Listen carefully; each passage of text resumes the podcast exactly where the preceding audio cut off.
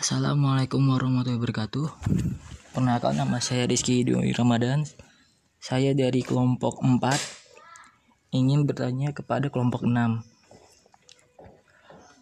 Kan di situ terdapat ada efek diffusi. Nah, tolong dan jelaskan dua tahap itu. Terima kasih. Assalamualaikum warahmatullahi wabarakatuh.